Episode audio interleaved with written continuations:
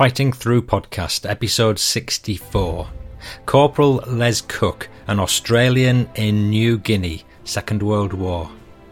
More great unpublished history. My Aunt Margaret walked in on Uncle Jack and a war mate reminiscing, but they stopped talking when she entered, but she begged them to finish. She stood in terror, wanting to know what happened. The conversation had gone something like Remember, Jack, when we were in the jungle and you and that Jap walked straight into each other and bumped heads? There was an incident involving some newly captured SS soldiers he was guarding after a battle. They were being individually interrogated by an intelligence officer, and being dyed in the wool Nazis, none would cooperate. Sergeant Salmon managed to parachute out of the plane.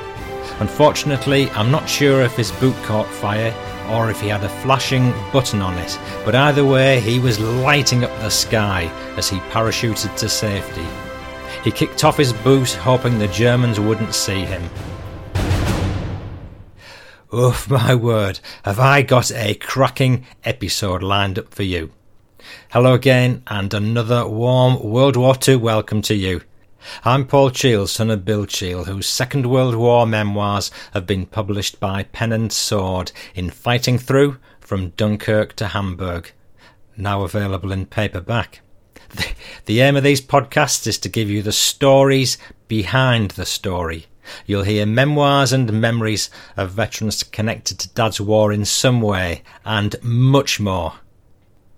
Star of this episode is a brilliant Australian memoir by Les Cook about the war in the Far East against the Japanese, and you heard a few extracts from that in the introduction. On top of that, I've got a miraculous survival story about a Canadian airman, a rear gunner, who had to bail out of a Lancaster over Belgium. And I've got another super story from Australia, coincidentally based around New Guinea, about a tough Australian commando who was taken out of action by his appendix and had to walk days to a bush hospital to get it removed. So it's very much shaping up to be Australia Week in this episode. So, for the following people who've written in with feedback in the past, this awesome episode is dedicated to you. And all these people come from Australia. There's Victoria, I'm sorry, I don't know all the surnames. Um, Andrew McLennan, Tristan James, Gerard Painter. All four of these are from Brisbane. I don't think I've I've even got one listener in Norfolk where I live. Never mind four together in Australia. So I think you guys are going to have to meet up for a beer one night and form a Fighting Through Podcast Appreciation Society. Um, I've had feedback from Unky Pete, Chuck Norris, Rob Callahan, and finally Andy Charlie Nanos. Good day, mate. So thanks, guys, for your support for the show. Enjoy. Feedback time first. Uh, here's the first of several messages I got in response to Jean Lindsay's interview in the previous episode. It seems to have gone down really well. Um, first of all, Vitor in Portugal wrote in Hello, Paul. I'll start by saying that I love your podcast and I've listened to all your episodes, usually while driving between home and work, and a lot of people do that uh, commuting. Uh, it makes me smile a lot and sometimes even a little sad, but it's a good kind of sad. In the last episode, while listening to Jean Lindsay, I was reminded of my own grandmother. It was a tale she told me over 30 years ago on how she saw a zeppelin passing her small fishing town, Póvoa de Varzim, near the city of Oporto, in the 1920s. It was a story that I'd almost forgotten, and it made me really happy remembering it. I've just ordered a book from you on Amazon. Uh, good man, Vitor. And um, Thank you for all your hard work on the podcast and keep healthy in these COVID times. My best regards, Vitor Farina. Vitor, thank you so much for that poignant story, which was teased out of the mists of your memory by a similar reminiscence from Jean. Best wishes to you and your son Lucas, and uh, the signed book with greeting as requested, plus the Fighting Through podcast bookmark, souvenir photos, and a smile are on their way to Portugal as I speak. Following on about Jean's interview, Richard Lord says, Jean was awesome. What a memory. Very cool hearing about wartime life in Britain from a child's eye. Danny Turnham said, A fantastic episode. It's great to hear about the war from a different perspective, the home front. And Nigel Graham observed, What a wonderful lady. So I reckon that was a firm thumbs up for Jean. Thank you, everybody. And I've passed all these comments on to her, for which she was delighted. Nick Stauble is going to start the ball rolling on My Relative Was in the War. And I've been saving this one for absolutely ages because it's about Burma. Nick says, I'm from Wilmington, North Carolina, in the United States. I listen to all of your podcasts when I'm on the road for work. My grandfather served in the US Army from 1943 through to 45 and served in the China Burma India campaign. He was a member of the Flying Tigers and served as an anti aircraft gunner fighting the Japanese.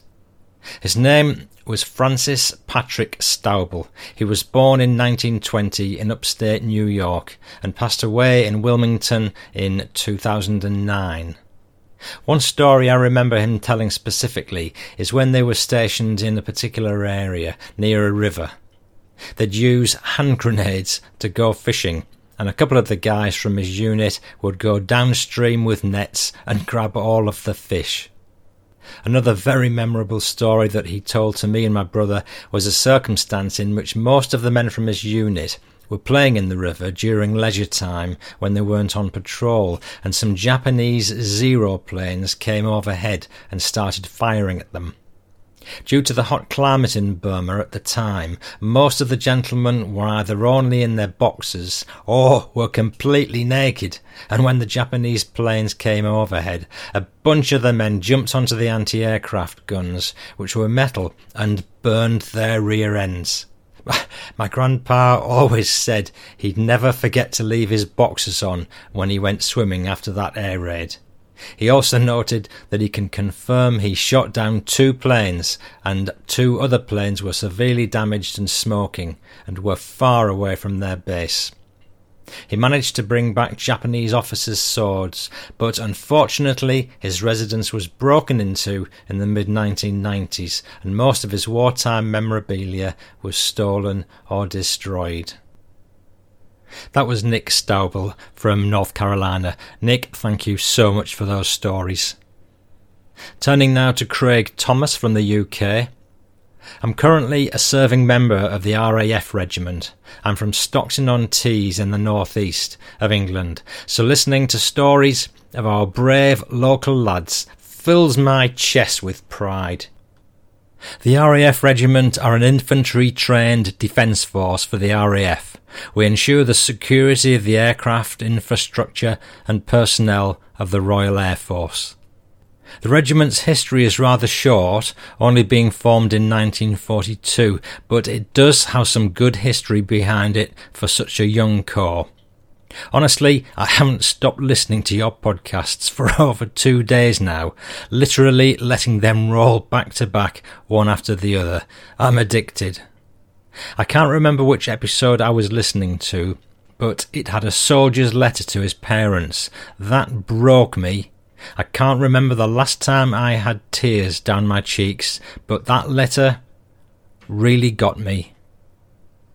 I'd be elated to hear a shout out to the lads of the RAF regiment. I'm very proud of the battle honours the Corps has collected throughout the Second World War. Craig Thomas, Norton, UK. Craig, thank you for all that. Uh, so that's the shout out done for the lads of the RAF regiment, the role they played in the war and the role they play now protecting our airfields. Good lads. That letter you referred to, by the way, is the letter that Canadian pilot Bertie Delacour sent to his parents to be opened in the event of his death Very sad. And that was in the Lancaster Lily Mars, episode 14. Craig, you share a hometown with one of Dad's best mates on the Queen Mary, John Bousfield of the 5th East Yorks, also from Stockton. Um, he was killed by, a sh- by shell fire at the Battle of the Wadi Akarit in Tunisia in April 43. His mum ran a pub called the Turk's Head in Stockton. Cheers, John. Cheers, Craig. And one final comment, Craig. You talked about uh, ad- addiction to the podcast, and you're not the first and only person. Uh, the last few weeks, I've been listening to repeat episodes myself uh, whilst doing chores in the kitchen. Yeah, yeah, okay, doing the washing up. Um, I've worked out how to get uh, Axela you know who I mean, to play the show. And uh, if you have her in a convenient room, then you too can listen to the Fighting Through podcast on your personal voice assistant. You simply say, Axela, play the Fighting Through podcast. And with a bit of luck, she'll play it for you, either picking up where you left off the previous episode or playing the latest one. And you can ask her to play the next episode, play the previous episode, or play episode 16 or whatever, or even fast forward five minutes, etc. She doesn't always cooperate, but with a bit of patience, you can usually work it out.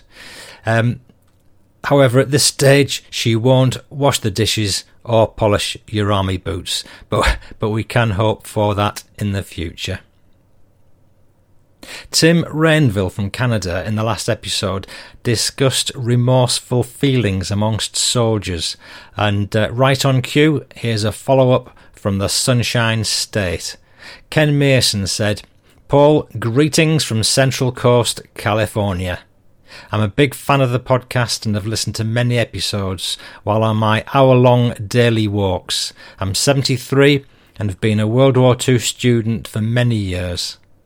Some time ago, I was a volunteer guide at our local Veterans Museum for a few years and always partnered up with an elderly veteran of the 82nd Airborne. I sat there every week mesmerised by what he would recall and share with me, and the following are some of the things he related. He'd been a pathfinder who jumped into Normandy on June the 6th He'd previously made combat jumps into Sicily and several other places. He'd later fight his way to the Battle of the Bulge and jump into Nijmegen, Holland. And it was there where he said he received two Purple Hearts on the same day. The first was when he was blown out of the small boat he was in while trying to paddle across the Rhine, and the second was when the current carried him unconscious back to the Allied side of the river. He was loaded onto an ambulance, and on the way to a field hospital, the ambulance was blown up by German artillery, but he somehow survived. On another occasion, there was an incident involving some newly captured SS soldiers he was guarding after battle. They were being individually interrogated by a Green G2, an intelligence officer, and being dyed in the wool Nazis, none would cooperate. My partner told the G officer not to worry, and proceeded to shoot the first, and then the second prisoner who wouldn't talk. The third SS man decided it was in his best interest to speak. My goodness, the shades of Tank Captain Stan Perry um, just in that little story. We've heard him telling of how when he had to shoot a prisoner. Another time, this chap told me that an order had come down verbally not to take any SS prisoners. I believe this may have happened after the massacre at Malmedy, and supposedly came from General Gavin. Among the interesting tidbits he'd relate about GI life, he said that he and others in his unit would take their army issued M1 paratrooper carbines and file down some pin to make them fully automatic. He then said that when he was in combat, he'd remove the butt end of the carbine strap and let it drop down. He'd then step on it when firing to keep the muzzle from rising up. He could sweep from side to side instead, and related that this was an extremely lethal weapon that way. I bet it was. Anyway, I wish I could remember more, but I thought you might find the above interesting. Keep the episodes coming and be well. Cheers, Ken M. Ken, thank you very much for writing in, and yeah, those stories were very interesting indeed. Thank you. I've got a joke um, about the Purple Heart medals that your guy won. It's about a veteran, Jim, and for some years after the war ended, Jim put on his finest uniform and went collecting round his neighbourhood for Veterans Day. He knocked on the door of two old ladies. Betty answers the door and she sees Jim standing there, proudly displaying the Purple Heart medal on his chest. She turns and shouts to a friend. Wilma, there's a soldier at the door and he's got a purple heart on. Wilma says, I don't care what colour it is, Betty. Get him in here quick. Sorry. Sorry, I hope that was alright telling that one. Right. Michelle Stevenson contacted me via the Facebook page. Good morning, Paul. Uh, I just discovered the podcast and I'm pleased that I've now got something to listen to over the next month while we're on lockdown. I visited the Green Howards Museum in Richmond a few years ago, and they helped me when I started looking into my granddad's history. It's a shame it's closed at the moment, but it's a fantastic place to visit. I wish I'd known my granddad to learn more about his own World War II accounts. My uncle Ted Adamson was with the Tyne-Tees regiments, the Fighting 50th Division. And if you Google Ted Adamson and Imperial War Museum, he recorded some of his own adventures during his war years and life as a Hartlepool lad. Well, Michelle, I did indeed do this, and there's an extensive interview with your Uncle Ted, who was a British gunner and served with the Durham Light Infantry in their Searchlight Regiment, the Royal Artillery, and he was also a driver with the, the Royal Army Service Corps at various times throughout the entire war, including Britain and Europe. And Michelle continues, There's a pub in Thornaby near Stockton called The Last Post that serves as a museum to all British Armed Forces and they've got a great Facebook page. The oldest pub regular is Tommy, 99 years young. He was a para who was on the Normandy beaches and is a true hero to all. The podcast's fantastic. Michelle. Thank you, Michelle. Blue Line on Apple Podcasts in America said, amongst other very nice things, I get goosebumps from the action and I'll be on the edge of my seat. Much respect to your father and everything you do, Paul. Mind blowing and incredibly touching. History is not what happened, it's who tells the story. A great way to hear the voices of that generation and genuinely reshape our perception of life during the war. That's from Doy Bob from the UK via Apple Podcasts. Thanks for that review, Bob. Nicole Callender from Canada posted a great story recently on the Lancaster Bomber Group page, and I don't know if it's spooky or poignant or both, but Nicole said, I share this story every Remembrance Day as I believe it's so important to keep telling the stories so we never forget them. December the 20th, 1943, so like five days before Christmas. My grandfather, Royal Canadian Air Force Sergeant Salmon, was scheduled to complete a mission over Frankfurt. He was rear gunner in a Lancaster bomber. The plane was reported missing at 0405. The plane had been shot down over Belgium, and the crew of seven lost two of their men who were hit by flying debris when the aircraft blew up. Sergeant Salmon managed to parachute out of the plane. Unfortunately, I'm not sure if his boot caught fire or if he had some warning system on his uniform that was being triggered by his boot, maybe a flashing button. But either way, he was lighting up the sky as he parachuted to safety. So he kicked off his boot, hoping the Germans wouldn't see him. When he landed, he buried his other boot in the field. He was found by a Belgian family who were part of the underground resistance. They hid him from the Germans, and in the words of my grandfather, it's hard to remember exactly, but I was there nearly a week when I was supposed to go to a house as I was leaving for Spain. But that very night the Gestapo captured some underground people, some RAF, and me. I was taken to Mechelen near Brussels for a few days and then spent some months in Saint Gilles prison. I left for prison camp in May 1944. Thankfully, my grandfather survived the war and returned home safely. But his story doesn't end there. In 1991, my grandfather returned to Europe with the remaining crew members of his squadron. The crew were celebrated all over Holland and Belgium and were reminiscing about war times and the plane being shot down when my grandfather recounted his boot and how he worried the Germans would see it in the sky. A man was listening to his story.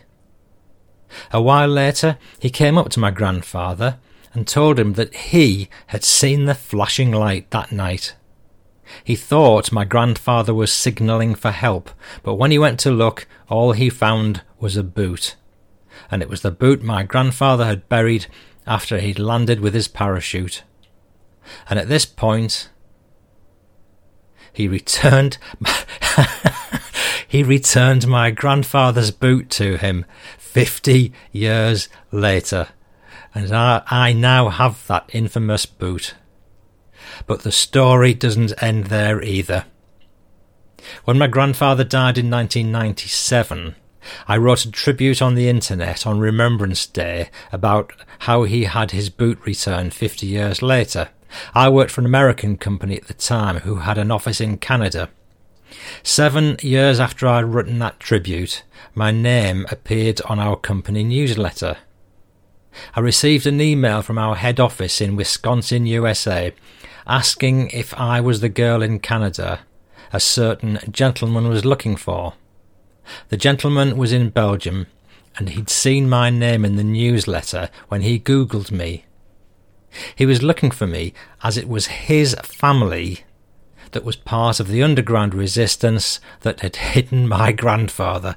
He had documents and pictures of him. I've been very fortunate, as my great grandparents saved everything. I have the boot, the original logbook, and all the letters sent from the government telling my great grandparents that he was lost at war, and then about becoming a POW, etc. Nicole Callender, Lancaster Bomber Group. And listener, if you're into Lancasters, then the Lancaster Bomber Group is definitely a good Facebook page to follow because there's always something appearing um, several times a day, every day, pertaining to Lancasters and their crews. Nicole says, P.S. I live in the same city in Canada where the second flying Lancaster in the world is located. That's Hamilton in Ontario, Canada, and I'll be watching her take flight today and so many other days.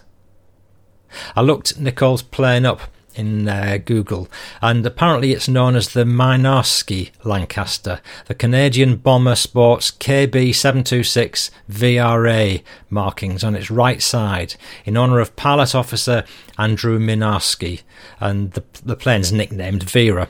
Uh, Mynarski was the recipient of the Victoria Cross as part of the 419 Squadron Royal Canadian Air Force. And of one more thing to say. How very good is all that? And if you want to see a few photographs, including one of the boot, I'm putting a link to the Lancaster Bomber Group Facebook page in the show notes. And it's there now. And finally, Nicole, thank you so much for helping me out with all that. Scott Craker from Texas wrote in. Uh, as a follow up from the Queen Mary episode 30. Um, one of the stories in that episode, says Scott, was about HMS Curacao and the devastating collision which took place between her and the Queen Mary, who was returning to Glasgow from New York. My dad was an Ordnance Technical Sergeant in the 320th Bomb Group of B 26 Marauders, and he was on board Queen Mary on October the 2nd, 1943, when she hit the Curacao. He was 21 years old and was with 1,200 members of the ground echelon on their way to North Africa via Scotland. One morning in the early 70s, we were sitting talking Second World War. He mentioned crossing the Atlantic on the Queen Mary and how crowded it was, and how there were rumours about all kinds of crazy stuff going around. But there was one about the Queen Mary hitting another ship. He said he thought nothing of it because of all the gossip, but when they disembarked, he noticed the bow of the ship was crushed in. That's all he ever knew about it because of wartime secrecy. I was in high school at this time in the 70s, and I was a World War II buff, and shortly after that I read about the incident in a Sea Classics magazine. Dad ended up in Tunisia, Sardinia, Corsica, Dijon, and Nuremberg. So our dads were both in Tunisia, although my dad only had to deal with the mud, not the Nazis. He and Mom had got married the day before he'd shipped out.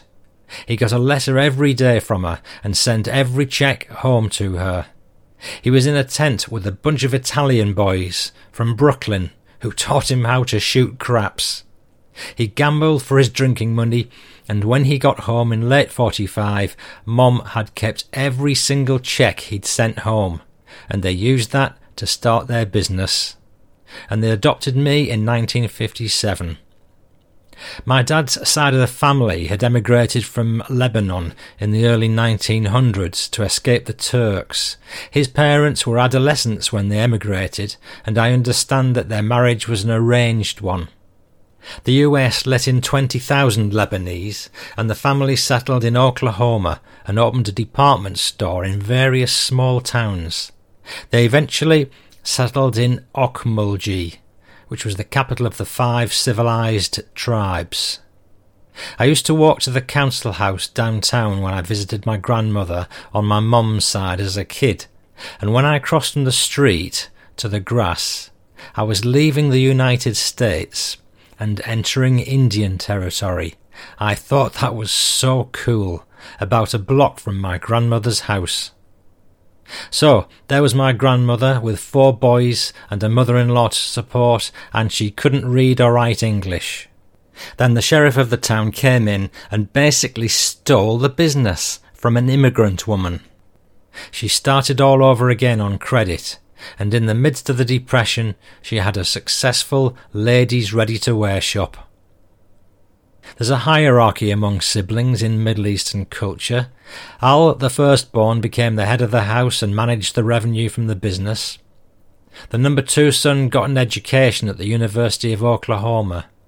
Dad was the youngest, and I think that left him with a chip on his shoulder which motivated him to prove himself throughout his whole life. He was a fighter.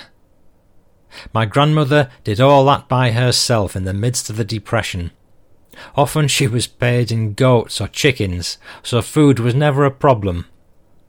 Dad said she was so determined she'd have him drive her to Dallas to the big apparel market in her Model A across flooded streams.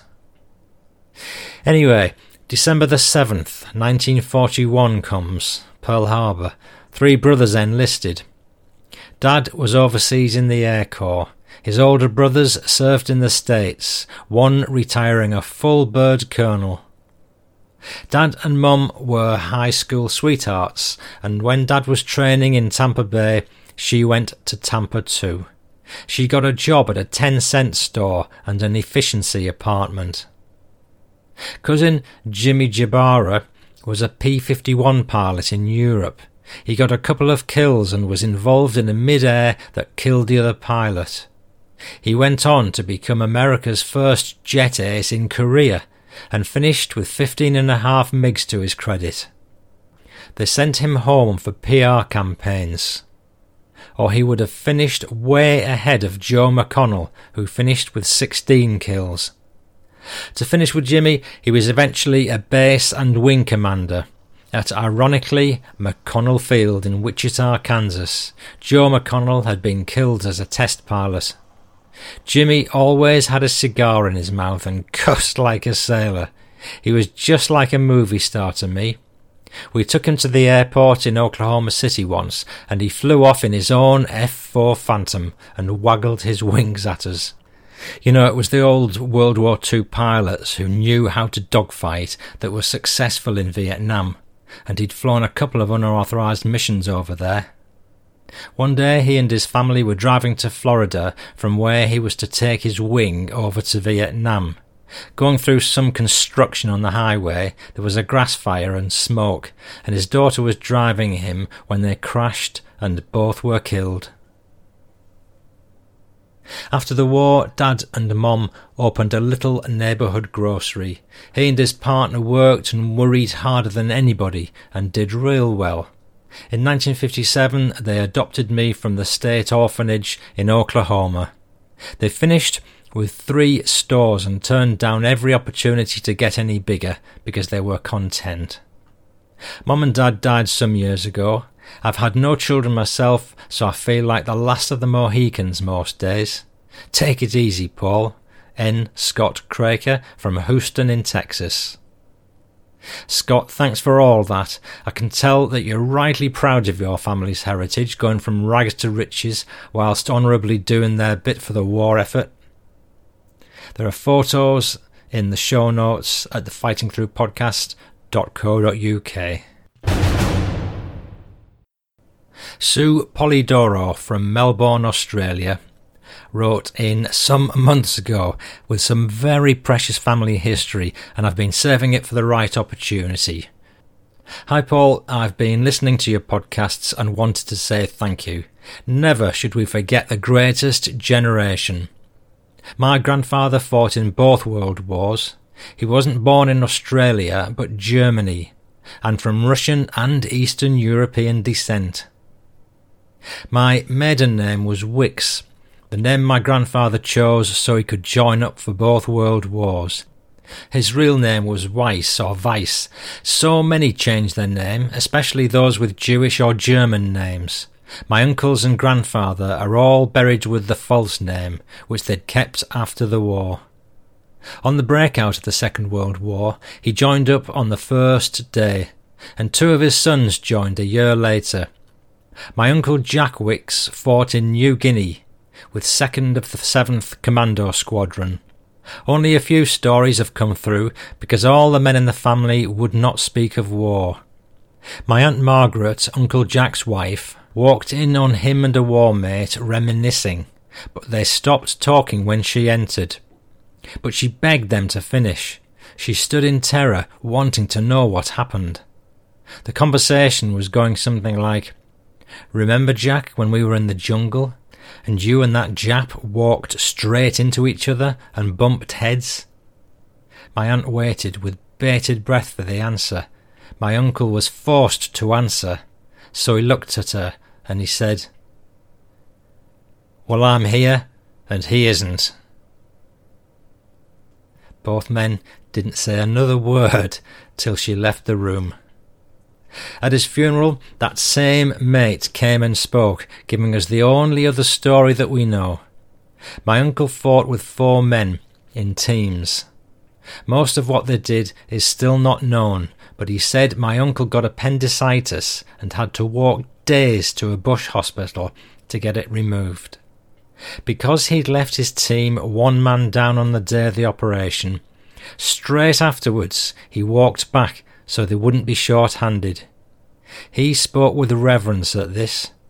I cannot imagine getting my appendix out and then walking through one of the hardest jungles in the world for days only to fight on. My other uncle was Alex, but I don't know much about him, so much history's been taken to the grave because they felt it was too much for women to hear. Listen, there's just a, a bit of necessary background here, thanks to Wikipedia.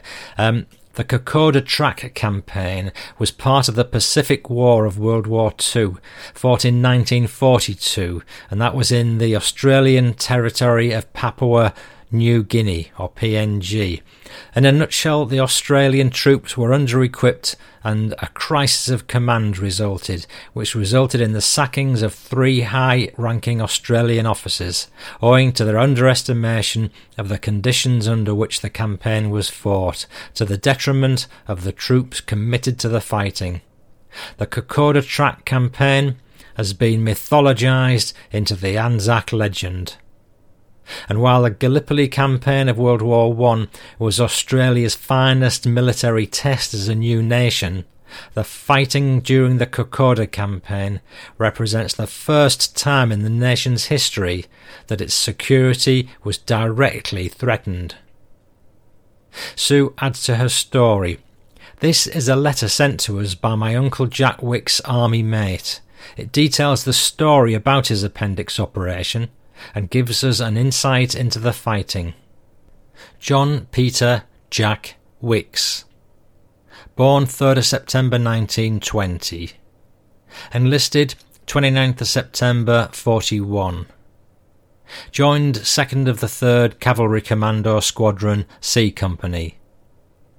Embarked December 41 on SS Orbista for French New Caledonia and was stationed there from December 41 to August 42 to protect the nickel mines in case of a Japanese landing.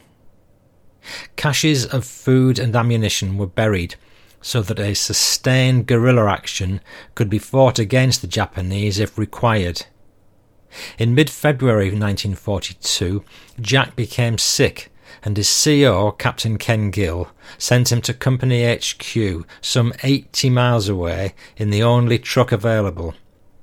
The MD, Doc Patrick, found Jack to be suffering from severe peritonitis and operated immediately in a tent with the CO holding a torch and a tilly lamp. In spite of this, a week later, Jack was back in C Company because he wanted to be with his mates so that he didn't let them down. That's the official daily war diary, Captain Ken Gill. 3rd of August 42, left French New Caledonia and returned to Australia for further training and rekit. Embarked in mid January 43 on the SS Turena and arrived in Port Moresby on the 21st of January 43, just as a hundred plane Japanese air raid started. By the time everyone was off the ship and the air raid was over, it was discovered that the sailors from the SS Turena had souvenired numerous items of kit and most of the officers had lost their revolvers. 29th of January 43, they were flown into Wau. From there, walked to Salamaua. 300 men of the 2nd of the 3rd went on this mission, and for the next 100 days they were in continuous action against the enemy. The casualties were 58 killed in action, 119 wounded in action, and a large number evacuated sick. Not a lot walked back to the base 14 weeks later. 16th September 43. Sent back to Australia to be rested, retrained, and then put back into the jungle of New Guinea for small scale guerrilla warfare behind the enemy lines. Whilst in New Guinea, Jack suffered from beriberi, malaria, and dysentery, as well as falling from a rope whilst climbing a cliff. This fall injured his back and his hips, and these injuries remained with him for the rest of his life. Sue continues, My uncle Jack Wicks fought on the Kokoda track. He caught TB of the spine there and spent months in a body cast in hospital after the war. My uncle is my hero. They were outnumbered, but they fought for us. Kindest regards Sue Polidoro, Sunbury, Melbourne, Australia. Sue, what a stunning record you've just sent in. Thank you so much for your efforts in compiling it. Um, I've only got one thing to add to this, and that is to say how good is that? Apart from also mentioning that if you want to get the full narrative on the Kokoda Trail and all that surrounded those events, you really need to start with the Wikipedia and maybe go on from there because it's, it's far too complex for me to dissect in the time I've got.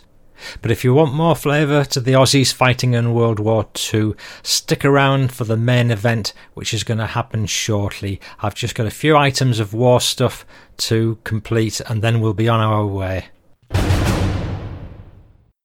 So here we go war stuff. You might have heard me previously recommend a TV programme in the UK at the moment. It's called The Repair Shop. Uh, it's where skilled craftspeople perform miracles, repairing what might be most people's rubbish, but others' most precious heirlooms.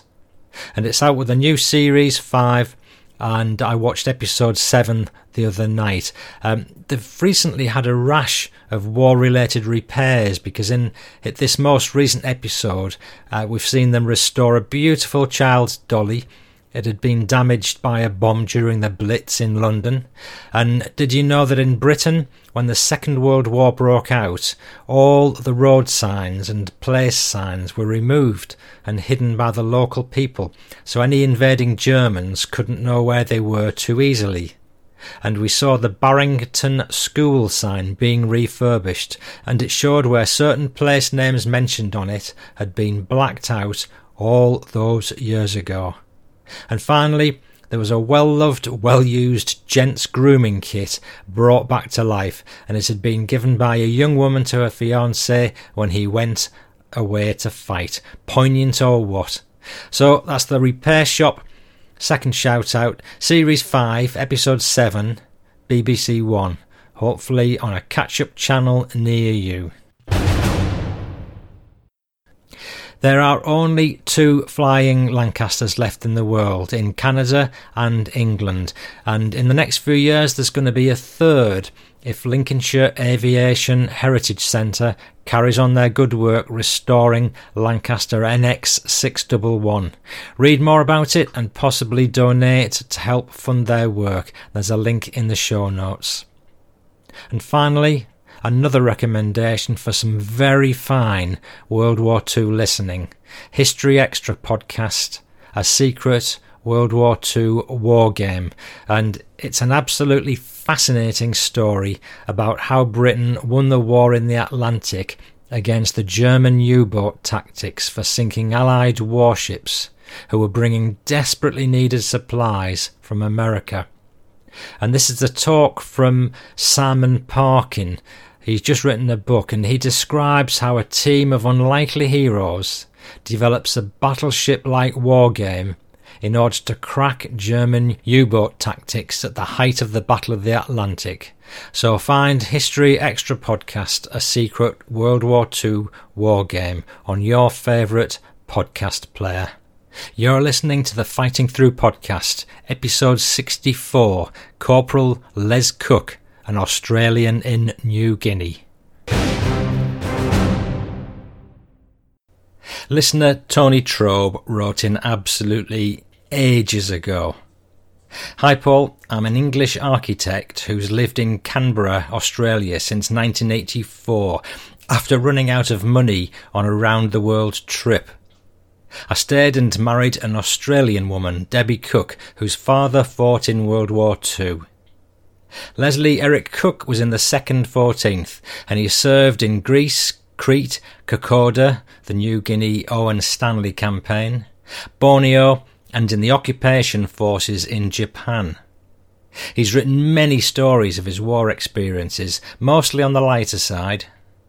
He's 96, still cycling everywhere, and is still a very accurate and amusing raconteur. I follow your podcasts, and although they mainly concentrate on the European and North African theatres, these stories may be of interest to you as a change of pace. I've no doubt included far too many, but I thought I'd just dump the whole lot down for you to cherry pick and see if there's anything that catches your eye. I've extracted the contents of one of the stories below about Corporal John Metzen, which is a pretty good example, although in this case less on the light side. As a side issue, my own dad, Ken Trobe, flew Spitfires and Hurricanes in the war, mostly training in Canada, but never actually shot at anybody in anger. This episode's mainly about Les Cook, but the following short story is about a comrade, John Metzen. I'm going to put this particular story first because it says something about the sheer guts and grit that the Aussies played during the Second World War. And despite the sometimes flippant and side splittingly funny stories you're going to hear about Les, he's also got plenty which are not at all funny. Behind the scenes of the comedy which somehow got so many soldiers through the war, the following passage illustrates only too well the potential danger that they were still all in. So no wonder they needed something beyond the growl of the RSM to keep morale up. Over to Les Cook, who crafted all of this. And he starts off with a poem. Nations have passed away and left no traces. And history gives the naked cause of it. The single, simple reason in all cases they fell because their peoples were not fit. When Rudyard Kipling wrote these lines, I believe he was referring to the strength of moral character of a people, not to their physical fitness, however important physical fitness undoubtedly is. The character of a people is developed and tempered in the fire of adversity. History shows only too clearly that this strength of character can diminish or indeed change altogether in times of peace and plenty such as we now enjoy, when it may no longer seem necessary to aspire to the high ideals on which it was built. Most of us perceive that there is an Australian national character. We believe that it embodies the good in a people and are quietly proud of it. If we are to retain our character, however, we must not neglect to uphold the memory and extol the virtues of those whose exemplary deeds and indomitable courage are its very foundation. Such a man was Corporal John Arthur Metzen of the 2nd of the 14th Australian Infantry Battalion. Enlisting in the 2nd AIF Australian Imperial Force in May 1940, he was an original member of the battalion and had served in North Africa and Syria before coming home from the Middle East early in 1942. The battalion was sent to New Guinea in August 1942 to stem the Japanese overland advance on Port Moresby. With his ankle smashed by a bullet, John Metzen was one of many cut off in the jungle when, after four days of bitter fighting, the Japanese broke through the Australian defence line near the village of Isurava in the Owen Stanley Range south of Kokoda. Although badly wounded himself, he gathered others around him and led them through the jungle with the intention of rejoining the battalion. By chance, the group fell in with a much larger party under the command of Captain S. H. Buckler, which also had been cut off and had the same objective. This party already included several wounded, some of whom, like John Metzen, were unable to walk. Stretchers were made to carry the wounded. Constructed from bush poles and vines, these were very heavy, cumbersome things, each requiring eight men, already loaded down with their own equipment and weapons, to carry it in that steep, rugged terrain. To spare his comrades the burden of carrying him, John Metzen said he would crawl on his hands and knees, asking only that his hands and knees be bandaged to protect them from the stones and sharp sticks on the rough tracks. On the northern face of the range, the main track from Port Moresby ran down the western side of the Eora Creek Valley through the villages of Alola, Isurava, and Deniki to Kokoda. The party set off from Isurava in the darkness, hoping to rejoin the battalion, but the Japanese had already cut off that route and were firmly entrenched across the main track at Alola. Forced to turn away from the main track, therefore, the Australian party crossed Eora Creek to the eastern side of the valley, where they tried for almost two weeks to find an alternative route to rejoin the battalion or to get help, but without success. The party then turned back along the eastern side of the valley until they reached the village of Sangay in the lower foothills on the northern face of the range. By now, the men had been on the move for three weeks since the night they left Isurava. All this time, enduring the agony of his smashed ankle, and with his entire body aching from prolonged crawling, John Metzen had dragged himself along on his hands and knees among the other wounded at the centre of the column, his cheerful fortitude an inspiration to them all. Desperately short of food and getting weaker each day, it had become apparent that carrying the stretchers was slowing down the party's movements to the point that if they continued as they were, nobody would survive. The huts at Sangay offered protection for the wounded from the constant rain. Moreover, some food could be obtained from the village garden there. It was decided to leave the stretcher cases, and with them John Metzen at Sangay, while Captain Buckler and the main party pushed on with all possible speed to get help. A stretcher bearer, Corporal Tom Fletcher, volunteered to stay at Sangay to care for the wounded. The journey of the main party by a previously unknown track over the Owen Stanley Range is an odyssey in itself. From Sangay, it took two weeks for them to reach the southern face of the range.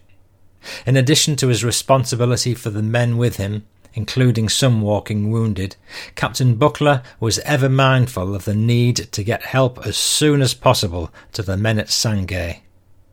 The village was behind enemy lines, and by now it was inaccessible to the Australians except from the air. Immediately on his arrival at Port Moresby, Captain Buckler arranged for, for an American bomber to drop medical supplies and food to the men at Sangay, and although exhausted himself, he insisted on accompanying the crew on the flight to ensure identification of the village. As the aircraft flew over Sangay, Captain Buckler expected to see some signal from the men who'd been left there, but nothing moved on the ground below the village appeared to be deserted. A month later, when the tide of battle had turned in our favour, a ground patrol commanded by Lieutenant A. W. Steedman went to Sangay, where they found the bodies of Tom Fletcher, John Metzen, and the other wounded men. Unarmed and unable to defend themselves, they had been discovered by the Japanese and executed. An award of the British Empire Medal Military Division was made to John Metzen after his death in recognition of his outstanding courage, unselfishness, and exemplary willpower. While those with him at the time certainly would have seen the award fully deserved, it's probable that the man himself would have been surprised by it.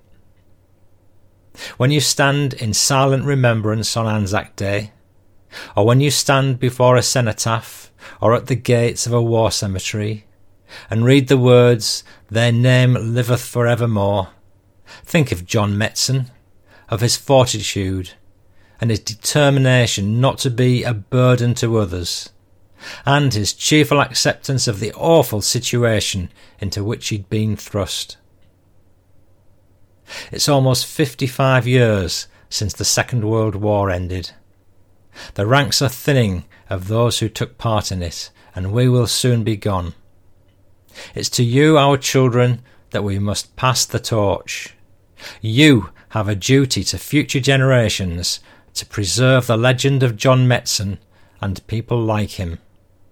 People who, in times of extreme adversity, did not lose heart, but pressed on gallantly and cheerfully towards the goal against all odds placing the welfare of others above their own, and giving the nation a tradition of which all should feel proud. If this nation continues to uphold their nobleness of spirit, and if each person individually endeavours to live up to their example, our people shall be fit. Corporal John Arthur Metzen, 2nd of the 14th Australian Infantry Battalion, was buried at Sangay on the 5th of November 1942. And after the war, his remains were reinterred at Port Moresby, Bomana War Cemetery. He was 24 years old.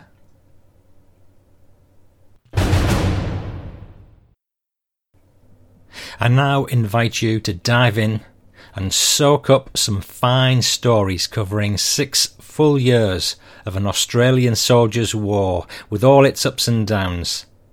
I've ranked the stories as best I can in date order, and they range from dramatic to funny. And particularly nice for me, there are quite a lot of parallels with Dad's and veteran Wilf Shaw's wars too.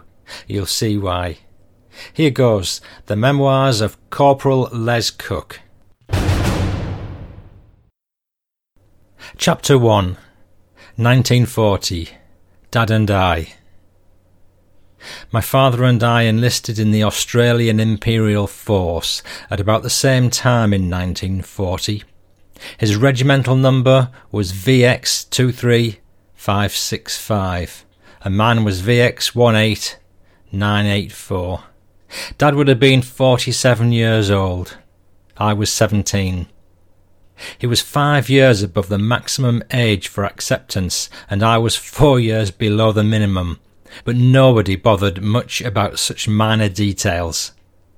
We didn't have to produce any documentary proof of our ages or even our names. Dad had served with the British Army against the Turks in Mesopotamia, Iraq, during the First War. We enlisted at the time of the collapse of the Allied armies in France and the evacuation of the British Army from Dunkirk. It should never be forgotten that it was a time when Britain and the Empire, but particularly Britain, stood alone against Nazi Germany and thereby changed the course of world history. Never had the recruiting poster's words, Enlist now, your country needs you, seemed more compelling. It was time in Australia when more men enlisted than at any time during the war.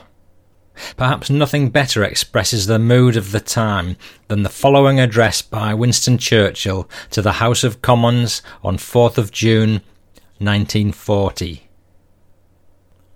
Even though large tracts of Europe and many old and famous states have fallen or may fall into the grip of the Gestapo and all the odious apparatus of Nazi rule, we shall not flag or fail.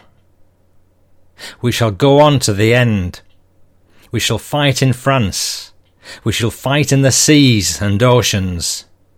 We shall fight with growing confidence and growing strength in the air. We shall defend our island, whatever the cost may be. We shall fight on the beaches. We shall fight on the landing grounds. We shall fight in the fields and in the streets. We shall fight in the hills. We shall never surrender. And if, which I do not for a moment believe, this island or a large part of it were subjugated and starving, then our empire beyond the seas, armed and guarded by the British fleet, would carry on the struggle until in God's good time the new world, with all its power and might, steps forth to the rescue and the liberation of the old. We believed it. Although we suffered several retreats in the early days of the war, I can't remember hearing anyone ever suggest that we might be beaten. Dad was in hospital recovering from an operation when I told him I was going to enlist. Something had gone wrong, and he'd developed a blood clot in the leg, which the doctors told him they could do nothing about. He was told to avoid strenuous exercise, and it was recommended that he take a sedentary job. He was told, or at any rate he believed, that exercise would cause fragmentation of the clot, which would almost certainly result in a heart attack or a stroke, either of which could be fatal. Dad said that he'd also enlist as soon as he could after leaving hospital. I remember his words If this thing is going to kill me, I might as well have another hit before I die. In this excitement of enlisting, he must somehow have overlooked mentioning the blood clot to the examining doctors. Because he'd been a blacksmith in his youth, Dad went into an engineer field company. These engineer units were responsible for bridge building and other construction work in forward areas, and arguably were the people who did the heaviest work in the whole AIF. By no stress of the imagination could it have been called a sedentary job. We were to meet only once during the next six years when we both chanced to be home on leave together in 1944. Dad, because of his unit, was having a well earned rest. I was on my way back after a spell in hospital. Although often in the same country, we always seemed to be in different parts. I went to the Middle East in October 1940. Dad would have arrived there about Christmas 1940 or early 41.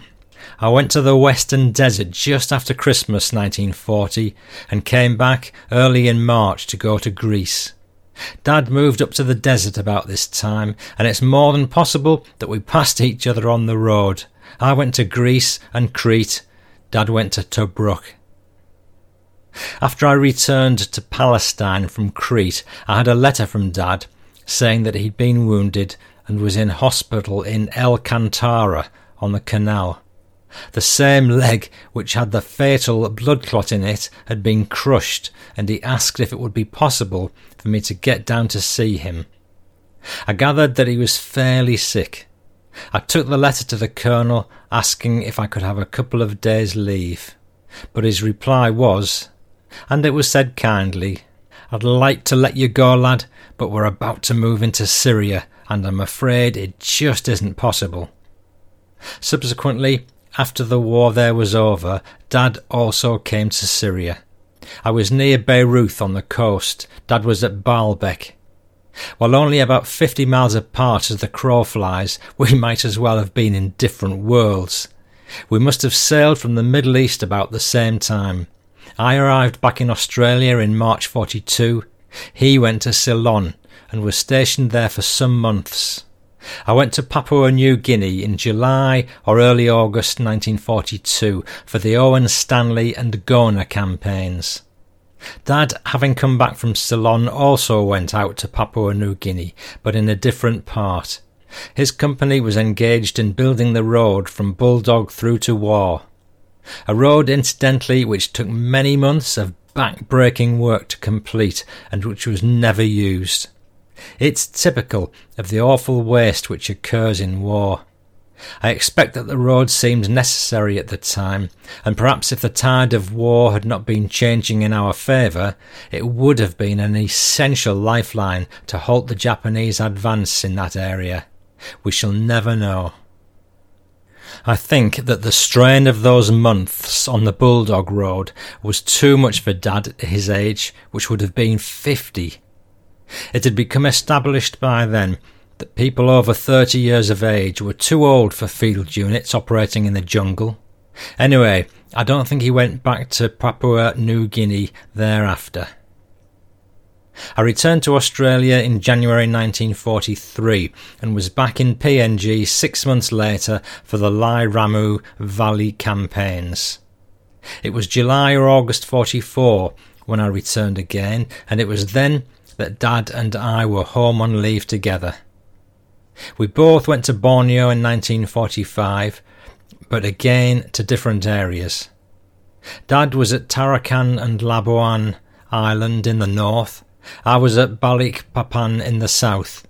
The war ended in August 45. Because of his extensive overseas service, Dad would have had enough points under the five year plan to warrant early discharge. He would probably have got back to Australia in October or November 45 and would have been discharged immediately. I went with the occupation force to Japan. We didn't meet again until February 1947, when I came back and was discharged. I suspect that it was when Dad was working on the Bulldog Road that his officers became aware that he was struggling and they had him transferred from field work to the Regimental Aid Post, RAP. Dad didn't ever admit this, but said that he'd become interested in first aid work and had instigated the move himself. Whatever happened, Dad served out the rest of the war as a medical orderly in the RAP. Still interested in this work, he was employed as an orderly at the Royal Melbourne Museum from the time he was discharged until he retired. One of the highlights of this period for him was his association with Weary Dunlop, who Dad considered to be a real gentleman. Dad didn't say that about many people. Dad had to give up work early because of the injuries to his leg and would certainly have been entitled to a pension but he would not apply for one despite my frequent requests to do so. It wasn't until long after the war that I even gave a thought to what Mum must have gone through. Dad was away for six years. I was away for nearly seven, most of which both of us were overseas. I don't know how often Dad wrote home, but I know I didn't write often.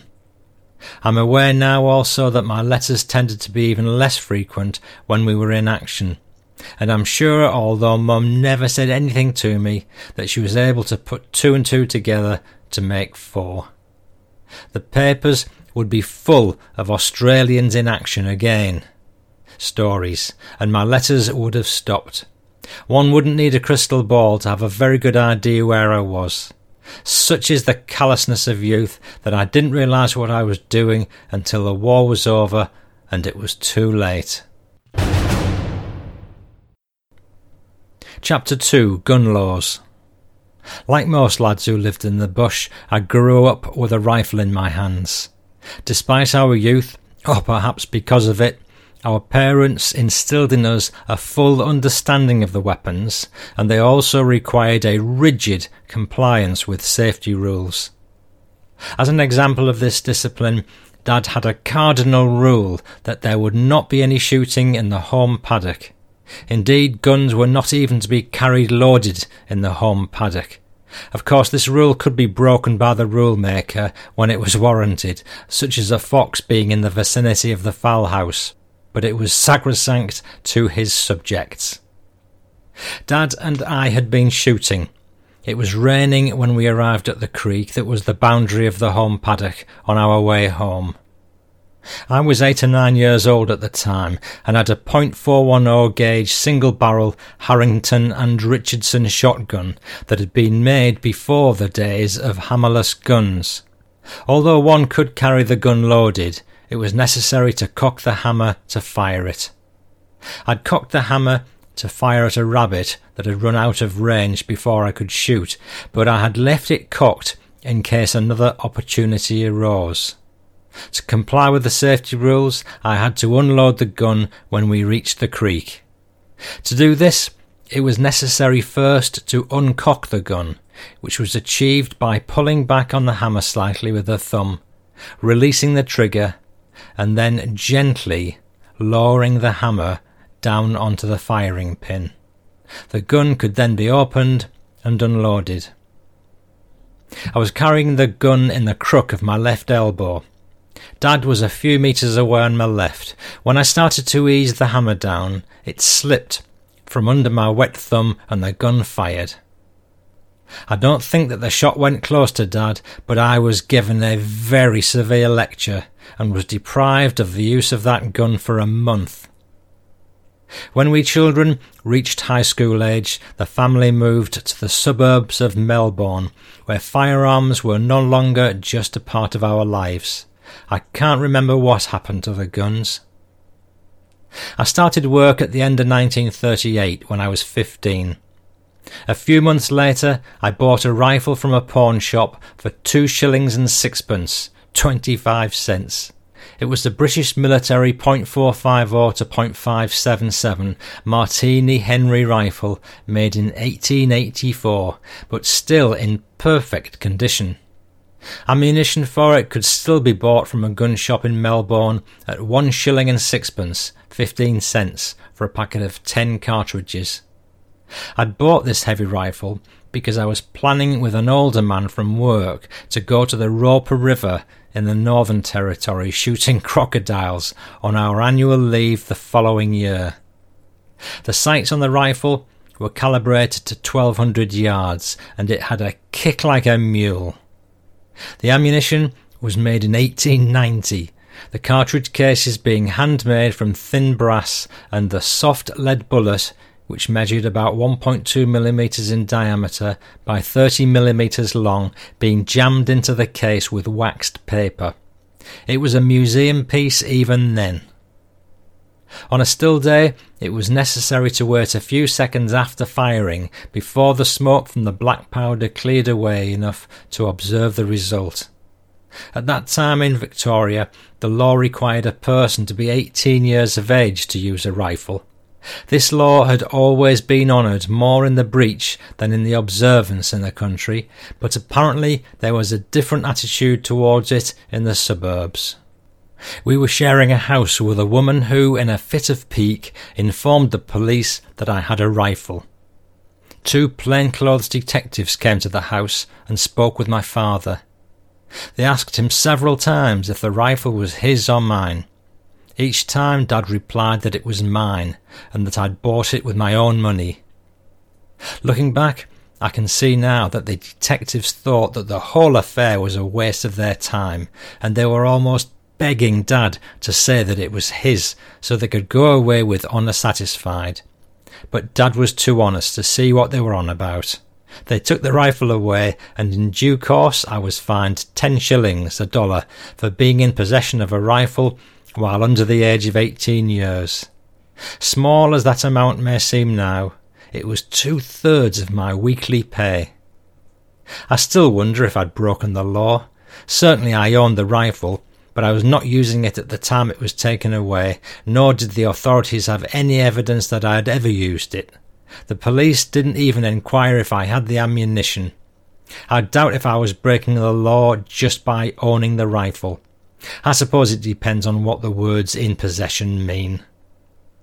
The war started in December 1939 and I enlisted in the AIF early in the following year. So I missed my chance to go crocodile hunting, and by the time I returned to civilian life almost seven years later, I'd lost the desire. The irony of the whole affair was that before I'd reached the age of 18 years, the same system that had fined me for the offence had formally issued to me and trained me in the use of a .303 Lee Enfield rifle, a Boys anti-tank rifle, a Bren light machine gun, hand grenades, and other devices for inflicting death and injury. In fairness to the system, however, it was unaware of breaking its own rule because I'd overstated my age by a few years when I enlisted. I suppose that this was also an offence, but nobody seemed concerned enough about it to fine me. Chapter 3 Entertainment In the early days of the war, there were many entertainers who gave their time free of charge to entertain the troops in camp. Some of them were good, but most of them, however willing, had never been good entertainers, or else were past it. Looking back on it, whoever was responsible for selecting the artists obviously didn't know anything about young soldiers and what might entertain them.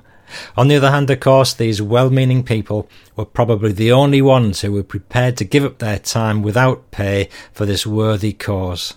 Apparently, the popular entertainers of the day weren't so willing. I can't remember a single show that included any young girls, and those comedians who came weren't very funny. There were vocalists in their fifties who sang opera and other serious works that we didn't understand. Perhaps they were really very good at what they did, but through no fault of their own, we were unable to appreciate them. It, it was like it was like feeding strawberries to a donkey. Needless to say, attendance at the concert started to fall off. Our commanding officer upbraided us for our lack of interest. He pointed out that the entertainers were generously giving up their time free of charge to entertainers, and that the very least we could do was to attend the concerts to show our appreciation of their efforts. If the attendance didn't improve, he said, the concert parties would lose interest and we'd be left without any entertainment at all, and it would serve us right. This lecture had little or no effect on attendance because most of us didn't think we'd be disadvantaged in any way if the concert parties stopped altogether. As appealing to our better nature didn't achieve the desired result, the CO decreed that from then on attendance at the concert parties would be compulsory. Looking back on it, perhaps he'd requested the concert parties in the first place, and his honour was at stake. We were marched down to the building and required to sit by sections and companies as if we were on parade. The officers, and more importantly the regimental sergeant major, the RSM, sat in the front row. We could see the humour of being forced to attend, and it really wasn't a very onerous task for us anyway, but inevitably there were some displays of passive resistance to it. Unfortunately, the, the entertainers were the innocent victims of this rebellious behaviour. At the end of an act, when it's customary for the audience to applaud, there'd sometimes be dead silence in the hall except for the front row. Clapping. Clapping in an enthusiastic manner himself, the RSM would t- turn around and glare at those silent members nearest to him. We held the RSM in much greater awe than we held our officers.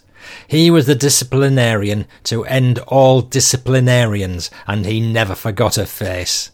One threatening look from him was enough to cause those near him to start clapping, albeit somewhat half-heartedly.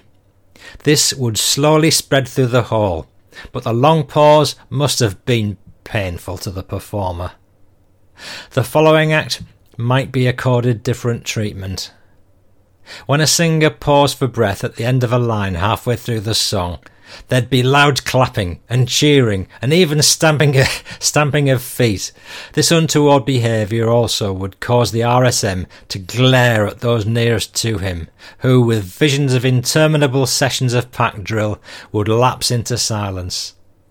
Order would eventually be restored in the hall, and the singer would continue that the performers were able to carry on with the show at all in the face of our unfair behaviour is to their everlasting credit. Either they were completely insensitive or were very seasoned troopers. We should have been ashamed of ourselves, but I can't remember hearing anybody express any sympathy for them. The only possible justification for what we did was firstly that many of the entertainers really were awful, and secondly, that they didn't appear to be at all upset by it.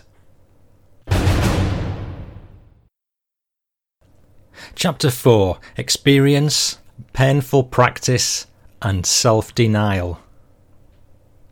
There is no such thing as a born soldier. A soldier must be trained. Certainly, some men adapted to the life more readily than others and from my experience in the AIF, I believe that country people generally adopted faster than their suburban brothers. There are logical reasons for this. The country people were already accustomed to living in the open and were competent in the use and care of firearms when they enlisted. It would probably be true also to say that country people generally showed greater ingenuity, and this difference between the two often continued to be evident right through the war. It requires great subtlety to train men to be good soldiers. There is, of course, a strong similarity to training athletes because physical fitness is very important, but the soldier requires more than just fitness to be successful. However hard the athletes undoubtedly work in training and competing, they never have to cope with the adverse living conditions and, more significantly, the stress of battle. It's these aspects that set the requirements of a soldier apart from all others. Armies the world over have been aware of this for many years, and their training programs have been designed to achieve the desired goal. Unfortunately for the ordinary soldier, the real purpose of some of the training must be concealed from him for it to be fully effective. This often results in that soldier having an absolute conviction that the sole purpose of the powers that be is to harass him and to make his life both as uncomfortable and difficult as possible. Nothing could be further from the truth. The system is really preparing him for the vicissitudes of war.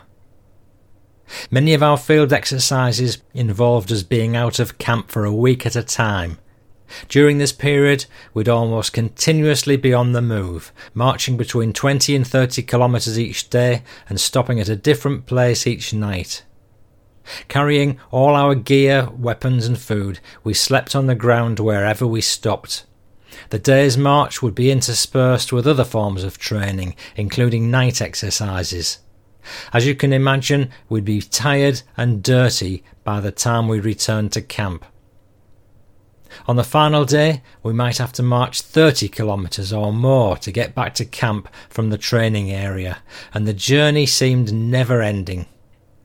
Our colonel always had the battalion band brought out in trucks to meet us outside the divisional lines. Arriving in this manner, the band was fresh and clean, and all their equipment and instruments were polished. We, on the other hand, were tired and struggling, covered with dust in the tropical heat. The heavy weapons were getting heavier, and the last thing we wanted to do was smarten ourselves up, tighten rifle slings, and march to attention at the slope for the remaining distance to camp. I must say, however, that despite our grumbling, we all took pride in ourselves as we marched past the other units. We marched onto the battalion parade ground by companies and halted facing the front, still at the slope. The RSM would give the instructions to order arms, then to slope arms, and would hand over to the adjutant. The adjutant would repeat the same two orders and would hand over to the colonel. We were always dismissed at the slope. On most occasions, the colonel would just dismiss the battalion and we'd thankfully go back to our tents, dump our gear, have a wash, and collapse. Sometimes, however, when the battalion had been handed over to him, the colonel would say, That slope was a little ragged, meaning that the several hundred of us had not moved in unison. We will have a few minutes' rifle exercises until you can do it all together. This announcement was greeted by us with many mumbled imprecations and comments about the Colonel's inhumanity. Some of the more outspoken might even have cast doubts on the marital status of his parents. It was many years after the war before I realised that the Colonel had not done it out of sheer bloody mindedness. We'd been marching all day in the heat and dust after a tiring week, and the only thing that kept us going was the knowledge that it would be over as soon as we reached camp. Physically, and more importantly, mentally, we'd set our bodies and minds on that goal, and we thought we'd expended all our energies on achieving it. The Colonel's 15 minutes of rifle drill at that point in time proved to our reluctant minds and bodies, albeit unconsciously, that we were still capable of more.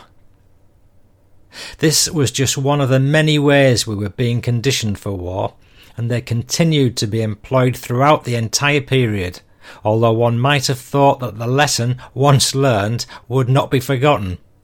Obviously, it had been found necessary continuously to train us to keep going when we thought we could go no further. Of course, the lessons would not have had the same effect on us if we'd been told the purpose at the time. Close combat, even for brief periods, consumes a great amount of nervous and often physical energy. It leaves the participant feeling exhausted, and the natural reaction of one's mind and body when it's over is to collapse. However natural it undoubtedly is to do this, it can prove fatal in war. For example, An attacking force has driven the enemy from a prepared position in circumstances which have involved hand to hand fighting and the attendant expenditure of nervous energy. Reaction comes with success, and the force lowers its guard while the bodies and minds of the attackers recover. It's now that the enemy counterattacks with the object of catching them in their moment of greatest weakness. This is a well known military axiom in all armies of the world. Nevertheless, it's apparently necessary continuously to reinforce into people's subconscious minds that they can override their natural reactions when the need arises. Listen to just a very brief comment here. Um, I've read or heard several times that the Germans often employed immediate counterattack as a measure to retake lost ground. Maybe Allied forces did it too, and now we know why. And it's funny how sports teams are often at their most vulnerable just after they've scored points over the opponent. And now we know why. Chapter 5 Responsibility of Command.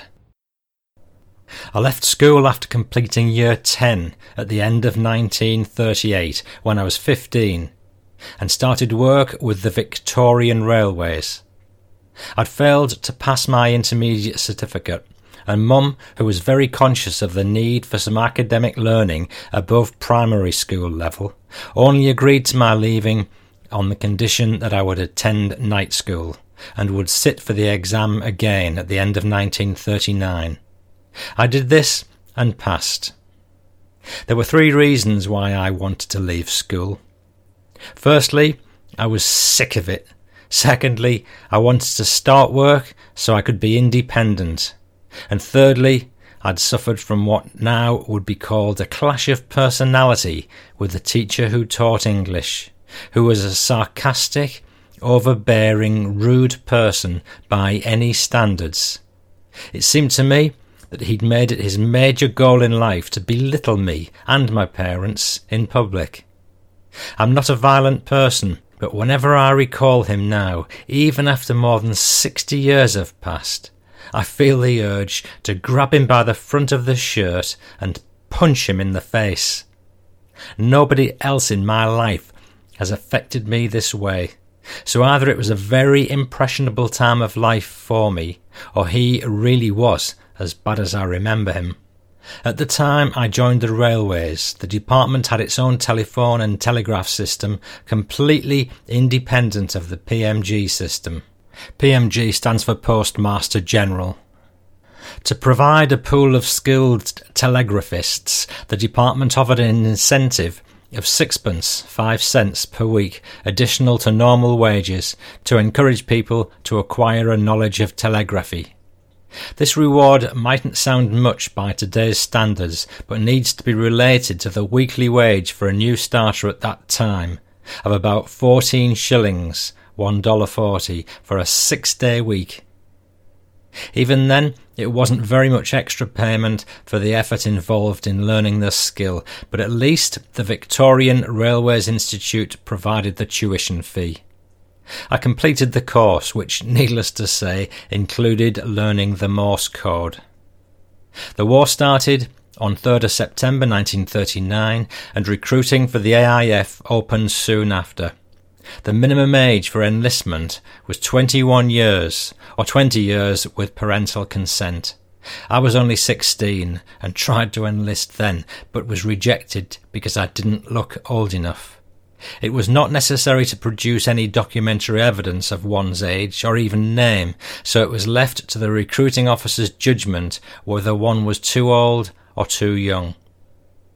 When things started to go wrong in Europe in early in 1940, and more men were needed, the recruiting officers became less selective, and I enlisted in May of that year.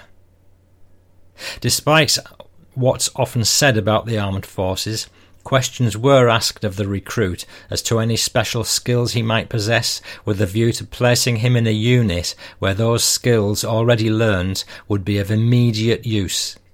Because of my knowledge of telegraphy, I was posted to a signals unit. Ha! Shades of Wilf Shaw if you've listened to his stories. I wonder if Les had an 18 set in his possession during the war.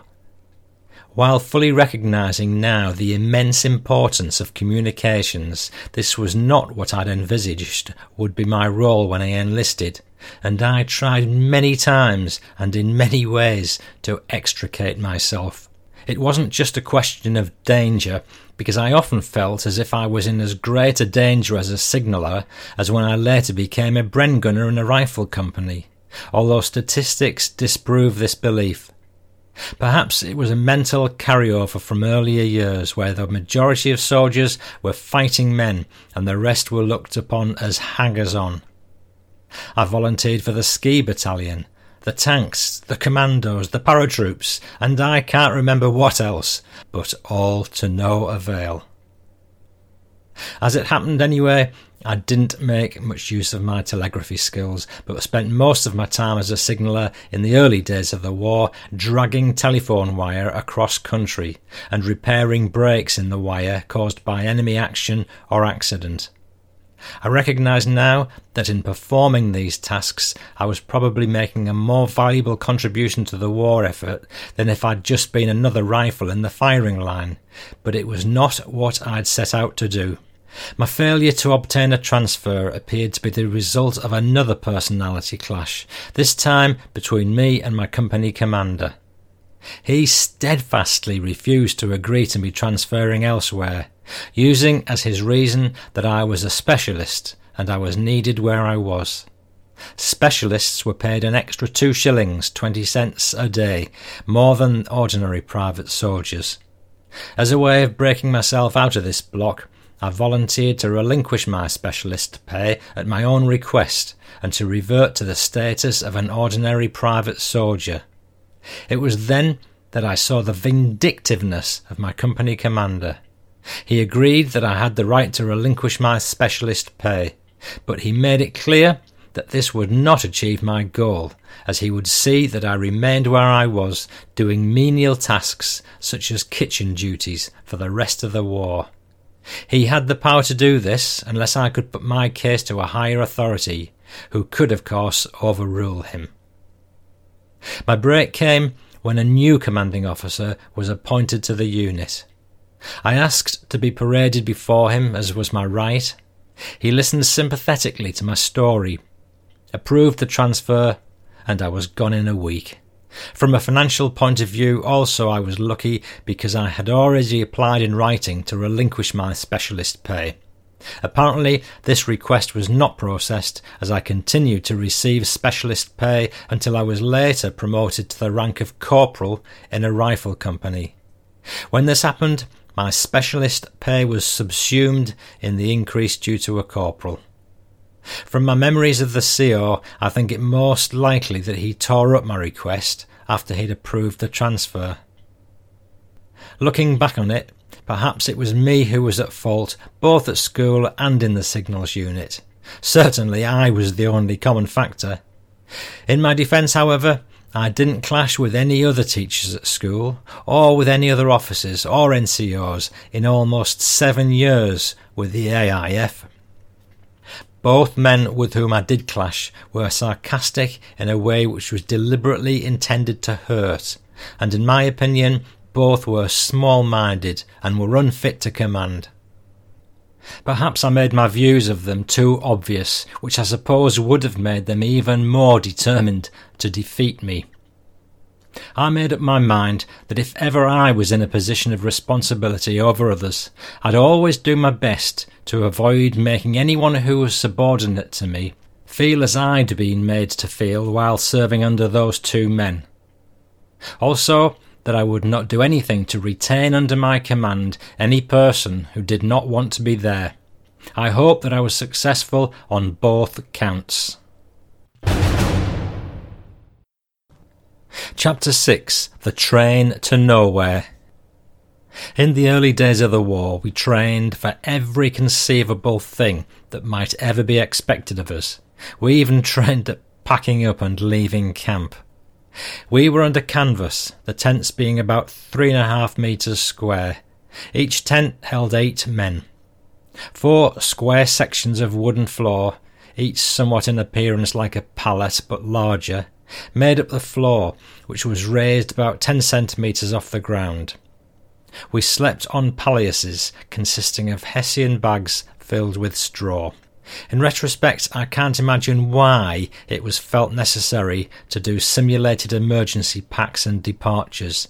The AIF was an expeditionary force, so it was expected that we'd be sent overseas, and in those days that we'd go by sea. We were a hundred kilometres from the sea, and the war was on the other side of the world. It's difficult to imagine a situation arising at that time which would require us to leave unexpectedly in a great hurry, but that's what we trained for. The bugle would blow about 4 a.m., and we'd be told to pack ready to leave. This involved packing our personal kit and belongings, emptying the straw from our palliasses at a central point where it could be burnt, stacking the floorboards on edge outside the tent, and rolling the flaps of the tent so the dirt floor could get some air. All this was done by the light of hurricane lamps, and it was winter time. We then fell in with all our gear on the parade ground, where the outline of a platform and a train to full scale had been scratched into the bare ground. The rolls were called, and everyone was accounted for. Then we sat on our packs and waited. Eventually, the entraining officer blew a blast on his whistle, whereupon we stood and took up our gear. Rifles were slung and carried butt uppermost to enable us to pass easily through the relatively low train doors, and also to avoid breaking the glass windows of the train. At the second blast of the whistle, we filed onto the train and took our places, stowing our packs, etc., under the imaginary seats and sitting down with rifles between our knees. When dawn broke, there we were, a few hundred men sitting in an imaginary train at an imaginary platform in the middle of the parade ground. It would hardly have been a sight to strike terror into the hearts of the enemy. The CO would make some derogatory remarks about the time it had taken, then we'd go back to our tents and to our normal daily training. When finally we did leave, it was in the early hours of the morning, so perhaps the simulation exercises were of some use. At least no one was left behind, and I don't think we broke a window on the train. The main difference from the training exercise was that we had a five kilometre march to the railway siding with all our gear instead of just from the parade ground to the tents, and we didn't have to set up our tents again at the end. You've been listening to the Fighting Through World War II History podcast, episode 64, Corporal Les Cook. More great unpublished history. That's it for now, chum. Thank you so much for your support and for making the time to listen to me. There's a PS coming up with another of Les's many stories, this time about bullying. And I've got many more stories to share with you in the next few episodes of the Fighting Through podcast. And next time we're going to move on to 1941 and beyond in Greece and Syria. For now, please do stay safe during the COVID pandemic, and I wish you a great festive season despite everything. I'm currently working on a rehash of one of my Christmas episodes with some new stories and some very poignant music to go with it. So that should be out before Christmas, and I'll put it straight out into the feed. So keep your eyes and ears peeled, Sergeant. P.S. Here's Les talking about bullying. When I look back, I realise that we had very few bullies in the AIF. The reason for this was probably twofold. Firstly, we had too many decent men who would not have allowed any seriously untoward behaviour, and secondly, and perhaps even more significantly, was something my father had said as far back as I can remember, and that is that bullies are cowards. The only real bully that I can remember was with us when we first went to camp in 1940. I can see him now. He was in his early thirties and heavily built. His neck was the same width as his head, and his arms were as big as my thighs. His eyebrows came together over his nose. His complexion was swarthy, and when he lost his temper, which he seemed to do frequently, his face took on an even darker hue. In all respects, his appearance was classical for the part, and he played it well for a time. Strangely enough, I can't remember his name. I think he was only able to dominate us even then because we'd not yet settled down to living together and had not enjoyed the cohesive benefit of being under fire together. We were living in tents, each holding eight men. A rope was strung between the two tent poles to accommodate the uniforms, etc., on coat hangers. The coat hangers weren't as plentiful then as they are today. They were made from wood, and most people would have owned only two or three, even at home. I'd brought mine with me, and had my name written on it, with indelible pencil. My tunic hung on it on the rope. We'd just been issued with our rifles. They'd been packed in grease to preserve them in storage, and it was one of the early jobs on the first or second day in camp to remove the grease. Hot water was made available at the cookhouse for this purpose.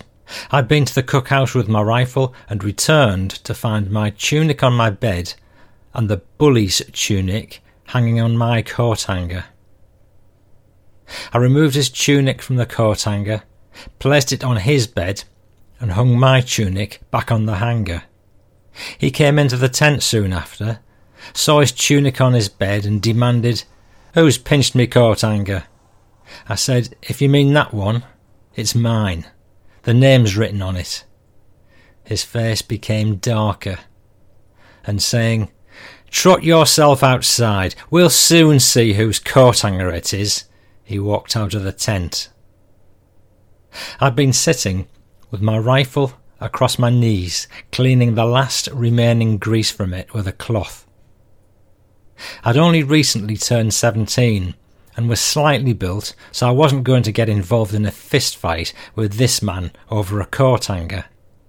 I grabbed the rifle at about the sling band and, holding it like a club, I stepped out of the tent ready to swing. The rifle weighed about four kilograms. His face lost some of its colour, and with doubt in his voice he said, You wouldn't hit me with that, would you? I replied, My oath I will. You're twice as big as me. I'm not going to tackle you with my bare hands. he made an attempt to laugh the whole thing off, saying, I was only joking. Can't you take a joke? And that was the end of it. He continued to bully others after that, but he left me alone. Some months later in North Africa, we came under fire for the first time. We went to ground awaiting orders. He was a bit ahead of me, on my right, about three metres away. I looked across at him and could see even from that distance that his shoulders were shaking. Resting my rifle on my left hand, I held my right arm out to its full extent with my fingers spread, and it was steady. He looked across at me as I did this, and while neither of us said anything, I believe that we both knew what I was thinking. I'll never know whether I did this solely to test myself or to make a point to embarrass him, but I would like to think it was the former. He left us not long after, I don't know how he managed it, and I don't know where he went, but none of us lamented his going. I'm Paul Cheall saying bye bye now, and I wish you a very Merry Christmas.